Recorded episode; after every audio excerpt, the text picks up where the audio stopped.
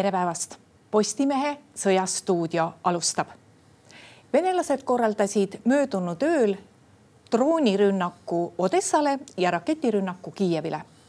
meil on stuudios julgeolekuekspert Rainer Saks, tere päevast. tere päevast no Ukraina on küll teatanud, et kõik Kiievi pihta tulistatud raketid lasti alla, aga nende rusudest tekkis siiski linnas purustusi.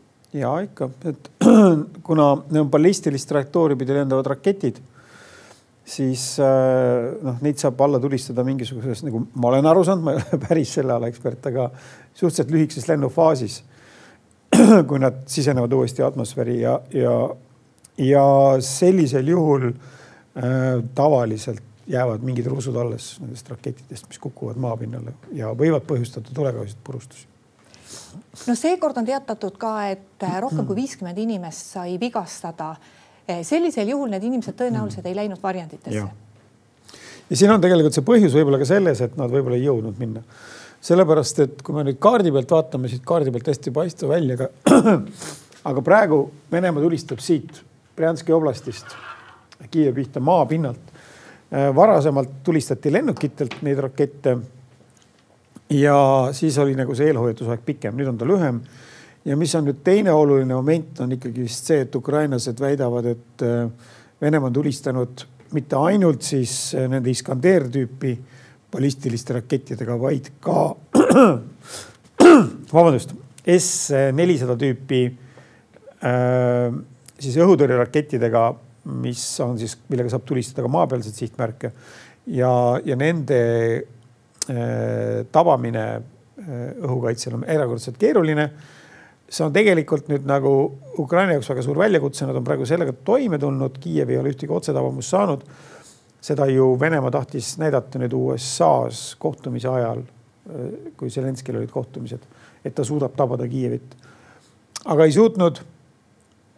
ja mis on nüüd nagu järjekordne tõend selle kohta, et need lääne õhutõrjesüsteemid on nende Vene rakettide vastu väga-väga tõhusad. see on väga hea uudis, mitte ainult Ukraina jaoks, vaid, vaid lääneriikide jaoks laiemalt, et see tehnika töötab paremini kui Vene raketid. ja ainukene asi, mis on tõesti probleemiks, on see, et Ukraina ei suuda sellega katta kogu oma riiki, aga me näeme, et ka Venemaal on neid rakette suhteliselt vähe, nende S400 tüüpi rakettidega napilt-napilt ulatub Kiievit tulistama sealt Brjanski oblastist, kui mujale sellega väga palju ei, ei ulatu nagu kaugemale nagu Ukraina Tege,. tegelikult ju kardeti, et juba oleksid võinud alata sellised massiivsed raketirünnakud energiataristu pihta, nagu olid eelmisel talvel. eelmisel talvel need algasid ikka juba tükk aega tagasi, kui võrrelda jah, et, et Venemaa ei ole alustanud, et see raketipuudus on tõenäoliselt siingi põhjuseks ega siin noh, on kaks seletust, tõenäoliselt see mitu asjaolu, mis lähevad kokku. üks on see, et rakette on vähem kui eelmine aasta, neid ei ole suudetud ikkagi toota. on praegu nagu väga usaldusväärseid andmeid ei ole selle kohta, kui palju Venemaa siis suudab neid rakette toota. Venemaa ise kindlasti lekitab meediasse infot, et ta suudab toota rohkem. no võib-olla sokutab seda ette ka noh, nii-öelda teiste riikide luureteenistustele, et see läheks nagu paremini ringlusesse, aga ei saa ka praegu väita, et nad ei kogu neid rakette nüüd nagu mingiks suureks rünnakuks, kuid kindlasti me teame seda, et neid rakette pole piisavalt niimoodi iganädalaste suurte õhurünnakute korraldamiseks. teiseks muidugi nad saavad ka aru, et Ukraina äh, õhutõrje on tugevnenud ja nad peavad olema kuidagi kavalamad, äh, saavutama, kasutavad rohkem droone, mida neil on siis ilmselt ühikute mõttes nagu rohkem käes, neid Iraani päritolu droone. me siiamaale ei näe veel Venemaal toodetud droone, mida nad ka on suure suuga lubanud, et nad juba kasutavad ja, ja tegelikult see on üks nüanss on veel, et, et Ukraina on ikkagi alates äh, kevadest saadik päris palju kasutanud oma käsutuses olevaid väheseid täppisrelvi selleks, et Venemaa juhtimissüsteeme rünnata. ma kipun arvama, et ikkagi see on avaldanud ka mingit tulemust, et äh, Ukraina on suutnud paralüseerida venelaste seda planeerimis- ja juhtimisvõimet, mis ka omakorda siis nagu takistab nagu selliste suuremastaabiliste rünnakute läbiviimist no me paar nädalat siin juba räägime, et Venemaa on intensiivistanud oma tegevust rindel. samas kui suured need edasiliikumised neil siis ikkagi selle eh, suhteliselt suurte kaotuste taustal on? no siin nagu edasiliikumised ei ole tegelikult üldse kaardi peal märgatavad ja, ja ega ka need Ukraina poole vasturünnakud nüüd liiga palju kaardi peal seda olukorda muutnud ei ole et me võime ikkagi rääkida kevadest saadik, kui Bahmuti lahingud lõppesid, on see rindejoon nagu väga vähe muutunud. me vaatame siin, kuidas loetakse sadade meetrite kaupa siis Vene vägede e-, edenemist siin paaris-kolmes punktis kogu rindejoone ulatuses ja teistpidi siis Ukraina korraldab ka vasturünnakuid. nii et ta suudab ka aeg-ajalt siis Vene väed jälle tagasi lükata mõnes kohas. Et no kokkuvõttes võime öelda, et siin võib-olla siin Donetski ümbruses ja, ja no võib-olla veel kuskil on Vene väed mõnes üksikus kohas mõne kilomeetri suutnud edeneda, aga põhimõtteliselt ei tähenda see olukorra muudatust rindel.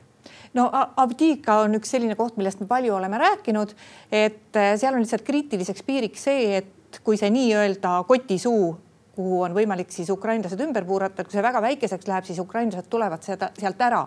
aga praegu ei ole ta tõenäoliselt siis läinud väiksemaks, kui ta oli. ta no mõnel päeval on Vene väed suutnud edeneda, teisel päeval on nad tagasi lükatud, ega nad natukene on suutnud nagu seda kotisuud koomale tõmmata, aga seda on väga vähe Äh, praegu tegelikult loevad rohkem need kaotused, mida kumbki pool lahingutes saavad ja see määrab nagu pigem nagu seda, et kas seda kaitset hoitakse või suudeta või ei suudeta hoida. ei ole andmeid, väga häid andmeid Ukraina kaotuste kohta, aga võrreldes siin ütleme varasemate aastatega, siis nende retoorika on nagu rahulikum, et on olnud palju närvilisem, parem no sa ise tood välja selles ööpäeva ülevaates, et Venemaa ava-, mitte Venemaa ei avalikustanud, vaid Venemaa kohta avalikustati ameeriklaste koostatud kaotuste raport. Eh, mida see näitab või mida, kui palju rohkem me sealt teada saame eh, võrreldes sellega, mida me enne venelaste kaotuste kohta teadsime? No see raport kinnitab nagu Venemaa suuri kaotusi, mis on nagu peamiselt teada Ukraina allikatest, et teised nagu äh, ei ole väga suutnud avaldada niisuguseid arusaadavaid arvandmeid, aga ega ka USA tegelikult ei seleta lahti, millistel allikatel need tema arvutused nagu põhinevad, et kas on analüütilised või on nad siis kindlal allika informatsioonil põhinevad äh,. USA puhul äh, lihtsalt tähendab see seda, et nad on äh, varasemalt olnud nagu skeptilisemad nende Ukraina kaotuste suhtes, me mäletame siin kevadel ja äh, ja veel eelmisel aastal nad hindasid neid väiksemaks oluliselt, kui Ukraina pool sellest rääkis. aga praegu on see suurusjärk minemas enam-vähem sama, samasse, sama arvu suunas nagu, nagu ukrainlased sellest kõnelevad, mis tähendab seda, et Vene vägedel on nagu varsti vaja uuesti mobilisatsiooni, juhul kui nad tahavad sõda Ukrainas nagu pealettungisõjani jätkata. kas see mobilisatsioon võib tulla veel enne presidendivalimisi või on neil aega venitada pärast või ongi just mõttekas sel ajal teha seda mobilisatsiooni? no Venemaa president on siiski näidanud selles mõttes oma tugevust, et ta on, suudab üle olla ka siis nagu sellistest äh, poliitilistest äh, motiividest, et äh, mäletatavasti ta sõja alguses ütles väga selge sõnaga, et mobilisatsiooni ei tule poole aasta pärast ta murdis seda sõna. põhjuseks oli see, et Vene vägesid tabas Harkovi juures katastroof, oli suur taandumine. selleks, et peatada lagunemist, viidi läbi mobilisatsioon, seda tähendab seda, et Venemaa president näitas, et ta suudab sellistest oma poliitilistest lubadustest astuda üle, kui olukord seda nõuab. see on kahjuks halb uudis, ma ütleks, et mitte, mitte hea uudis, aga praegu on ilmselgelt näha, et ei soovita enne presidendivalimisi uut mobilisatsiooni läbi viia samas tehakse tehnilisi ettevalmistusi selleks, et see mobilisatsioon ikkagi vajadusel viia läbi efektiivselt ja kiiresti. nii et ma ütleks niimoodi, et Venemaa juhtkond üritab vältida täiendava mobilisatsiooni läbiviimist üldse ja kindlasti enne presidendivalimisi, aga kui olukord selliseks kujuneb, et teistmoodi ei saa, küllap nad sellega läbi viivad siis. no Ukraina president oli nädala algul USA-s. sai ta sealt sedapuhku mingit tugevamat kinnitust äh, järjekordse ja jätkuva abi suhtes? ta sai retoorilise pai eh, ja sai nagu sellist retoorilist toetust, aga tegelikult mitte ühtegi konkreetset sõnumit selle kohta avalikkuses ei ole, et on saavutatud Ameerikas kokkulepe ja, ja see suur toetus Ukrainale jätkub. ja mida me saime teada, me saime teada seda ja veel kord kinnitada seda, et tegemist ei ole niivõrd põhimõttelise Ukrainat puudutava küsimusega, vaid Ukraina, vaid vabandust, USA sisepoliitilise probleemiga aga mis vahet seal on, tegelikult kokkuvõttes ikkagi mõjub see USA välispoliitikale ühte samamoodi. nii et äh, selles mõttes nüüd nagu seda uudist ma ei tea, kuidas president Zelenskile öeldi kohtumistel, mis see seis on ja millal see otsus, kas tuleb või ei tule. aga ta ei tulnud sealt ära ka ise hõisates nagu, et, probleemid on lahenemas ja vaid ta tuli ära sealt väga, väga tagasihoidlike sõnumitega, pigem kordas üle seda, mida ta on öelnud ka varem, et ärge lootkegi, et te saate sundida Ukrainat tegema oma iseseisvuse arvel kompromisse. no täna ta on Norras täna ta räägib Põhjamaadega läbi. Põhjamaadele on lihtsam seletada seda, mida Ukrainal vaja on Või...? ei, võib-olla mitte selles mõttes, et äh, küsimus ei ole selles, et Ameerikas keegi sellest aru ei saaks niivõrd, et seal on noh, võib-olla üksikud sellised poliitikud kongressis ja senatis, kes nagu mõtlevad täiesti teistmoodi. Aga Põhjamaade poliitiline kultuur on teistsugune, poliitiline olukord on teistsugune ja, ja Põhjamaades võib-olla selline strateegiline konsensus Eh, vähemalt siis nagu sellise parlamendipoliitikute hulgas on, on oluliselt nagu tugevam ja suurem. ja, ja Põhjamaadest on praegu koos Saksamaaga kujunenud äh, Ukraina üks kõige tugevamini toetav siis nagu niisugune rühm. no meil on põhjust täna rääkida küberrünnakust, sest et äh, Ukraina mobiilioperaator sattus venelaste küberrünnakute alla. kui ulatuslik see oli ja kui palju sellega kahju tehti? ma minu teada on see kõige suurema klientide arvuga mobiilioperaator Ukrainas, kuulus varasemalt Venemaa kapitalile. aga Ukraina on siis selle üle võtnud äh, ja no see võib-olla seletab ka seda, et miks just nagu see öö, äh, süsteem nagu langes lõpuks küberrünnakute alla. ma juhiks tähelepanu kahele momendile okei okay,, need küberrünnakud kindlasti olid, olid edukad, sellepärast et teenused katkesid vähemalt üheks päevaks suures osas, olid väga tugevasti häiritud. Äh, ma ei tea täpselt, mis tehniline nagu kirjeldus selle rünnaku kohta on, äh, aga ei ole põhjust kahelda, et see on Venemaa eriteenistuste tehtud või siis Venemaa noh, korraldatud, ütleme siis niimoodi. aga sõja algusest on möödas poolteist aastat ja rohkem ja siiamaale pole Venemaa suutnud nagu sellist rünnakut korraldada, kuigi seda prooviti nii enne sõda, sõja alguses pidevalt iga päev, nüüd siis lõpuks kuidagimoodi õnnestus. ukrainlased teevad selle selgeks, ma arvan, teist korda see enam niimoodi võimalik ei ole. ja viimased uudised ütlevad, et siis mitmed suured rahvusvahelised äh, tehnoloogiafirmad siis aitavad praegu nagu siis selle mobiilioperaatori teenuseid nagu taastada. mul on jäänud mulje et, äh, et praegu on nagu suurem osa nendest teenustest klientidele kättesaadavad, aga mis on tähtis, on see, et me nägime, et, äh, et uudisteagentuurid, äh, need firmad, kõik televisioon, kõik jätkas tööd, et noh, nagu selles osas mingeid katkestusi ei olnud, inimestel info oli nagu vabalt kättesaadav. kedagi nagu ülemäära palju see Ukrainas ei üllatanud, nii et väga oluline on siiski tunnistada, et jah, et see on olnud edukas rünnak, Ukraina peab tegema sellest omad järeldused ja kui nad teevad sellest õiged järeldused ja, ja ei hakka siin nagu pead liiva alla peitma, siis, siis on neil eeldused olla veelgi edukamad edaspidi. no ukrainlased suutsid ka äh, küberrünnakuga vastata ja selle rünnaku alla sattus venelaste maksuamet no nii nad väidavad, aga selle kohta veel nagu sihukest väga täpset ja head kinnitust ei ole, et kui lugeda seda kirjeldust ja ma ka nagu esimese hooga vaatasin, et noh, et see näeb välja ikkagi väga uhke rünnak et kui lugeda seda kirjeldust, siis peaks eeldama, et need tagajärjed on Venemaale erakordselt tõsised just riigi haldamise mõttes. aga praegu nagu kuidagi ei ole tajutav, et Venemaal oleks mõned riigiasutused nagu seisma jäänud, mis peaks tegelikult teoreetiliselt juhtuma mõne aja pärast. Soome tegi nüüd otsuse siiski paar piiripunkti taas avada, millega Soome riskib ja kui kauaks need võiksid avatuks jääda ja, ja eh, missugust reaktsiooni võiks see Venemaa poolt äh, või missuguse reaktsiooni osaliseks see võiks saada? ma arvan, et Soome ei riski suurt millegiga võrreldes sellega, selle olukorraga, mis nad praegu on, et Vene, Soome tegi tegelikult, nad ei ütle seda avalikult välja, aga no mina loen seda küll niimoodi, et, et kaks piiripunkti on avatud selleks, et Soomes on neid Vene kodanikke päris palju, kes tahavad oma lähedastega suhelda jõulude ja aastavahetuse perioodil, et neil oleks võimalik seda teha. nii, nii seal Karjala poole peal, põhja pool, kui siis ka Peterburi suunal kuhu see valdav osa nendest eh, vene, vene, vene päritolu või vene kodanikke siis, kes Soomes viibivad, nagu siis suhtleb. ja Venemaa saab sellest väga-väga hästi aru, et tegemist on eelkõige niisuguse humanitaarse kaalutlusega. ja et Soome ei testi Venemaa reaktsioone. Kui Venemaa reageerib nagu nii, ütleme, et siis agressiivselt ja jätkab seda, Soome sulgeb ilma pikema jututa need piiripunktid.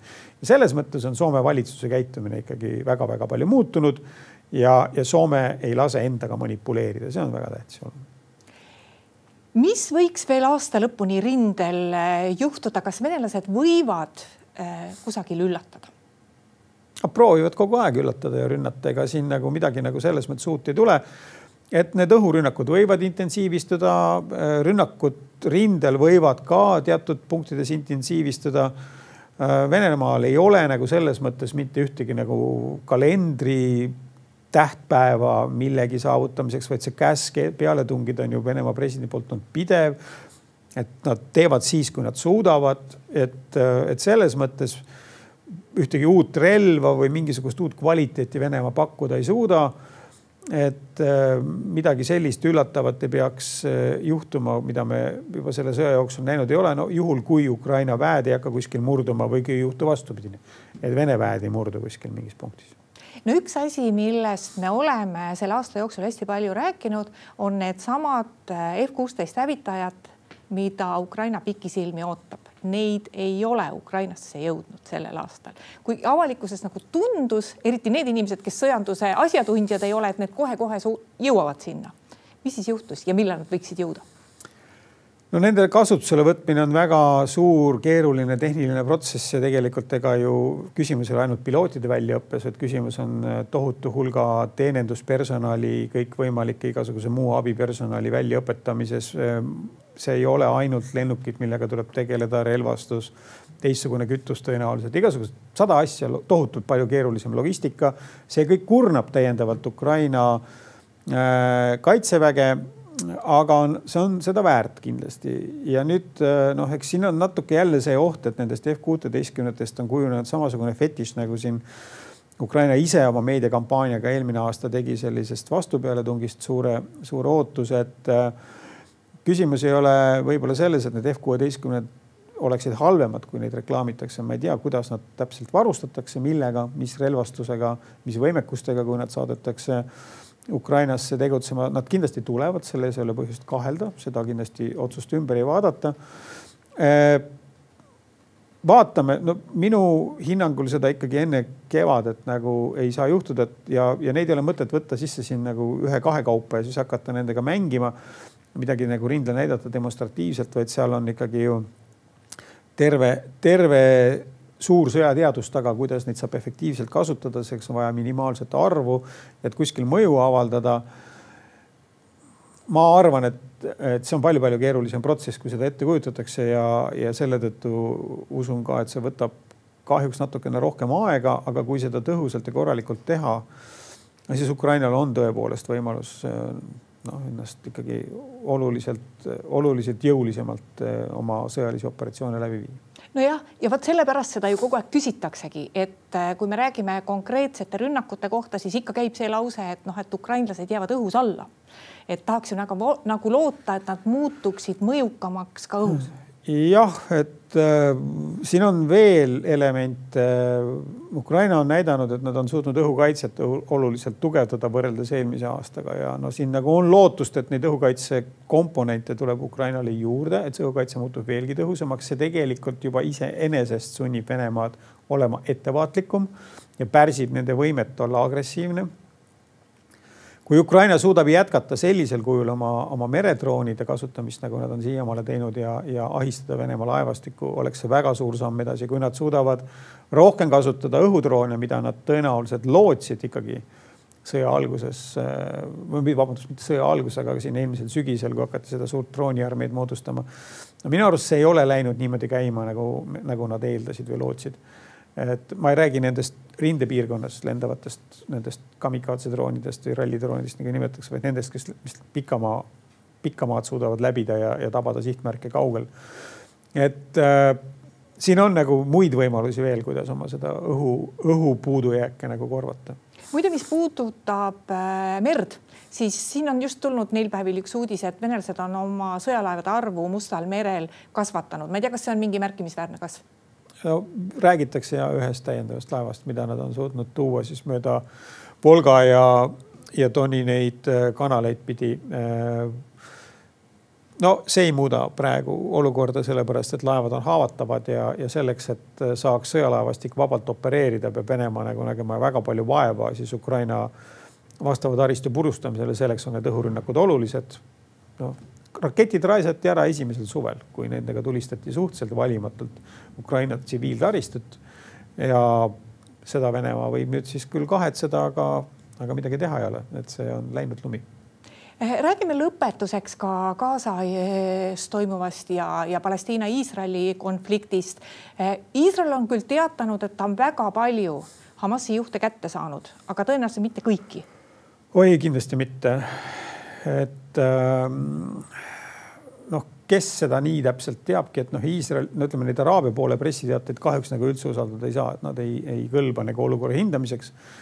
Aga ma pean silmas seda, mida Palestiina poolelt siis, see ei ole ka ühtne pool, eks ju, seal on ka väga erinevad äh, rühmitused ja et, et selle tõttu ütleme tinglikult siis Palestiina poole pealt on avaldatud, et äh, nende järgi ei saa otsustada, aga Iisraeli poolt nagu avaldatu põhjal võiks nagu eeldada, et äh, küsimus ei ole isegi niivõrd Hamasi juhtide Äh, tabamises, me räägime siin peamiselt välikomandöridest ja noh, niisuguse madalama keskastme juhtidest, mitte nendest tippjuhtidest, kuigi mõned sõjalise operatsiooni kujundada, kujundada ja läbiviijad nagu, kes, kes nagu seda seitsmenda oktoobri rünnakut korraldasid, ikkagi äh, hävitati ka õhurünnakutega tõenäoliselt on selle kohta nagu suhteliselt kindlad, kindlad andmed, aga mis on tähtsam, on see, et äh,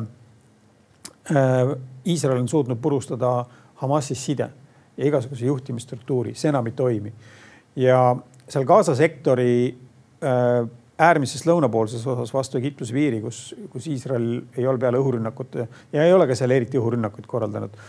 ja seal nad saavad veel niimoodi nähtavalt liikuda, aga, aga kõik selles osas, kus toimub lahingtegevus, see vastupanu ei ole organiseeritud ja tõhus. ja pigem see ikkagi kõik laguneb ja, ja Iisraeli armee nüüd vaatamata sellele, et ta alguses kukkus täielikult läbi siin oktoobri alguses selle rünnaku valmisolekus, eks ju, siis, siis nüüd on suudetud ikkagi see operatsioon niimoodi disainida, et äh, Hamas ei ole suutnud oma seda keskkonda kasutada nagu väga tõhusa vastupanu osutamiseks Iisraelile. no kuna me tõenäoliselt kohtume sel aastal viimast korda, siis äh, kas järgmisel aastal võiks Ukraina sõda lõppeda? Ta võiks lõppeda, aga, aga me ei tea, kas ta lõpeb, et äh, väga palju praegu loeb see, et kuidas talve jooksul mõlemad pooled suudavad taluda kaotusi. reserve värbavad kõik juba kolmandat korda või mõlemad pooled, et äh, Vene poolel vägede kvaliteet on tugevasti langenud igas elemendis.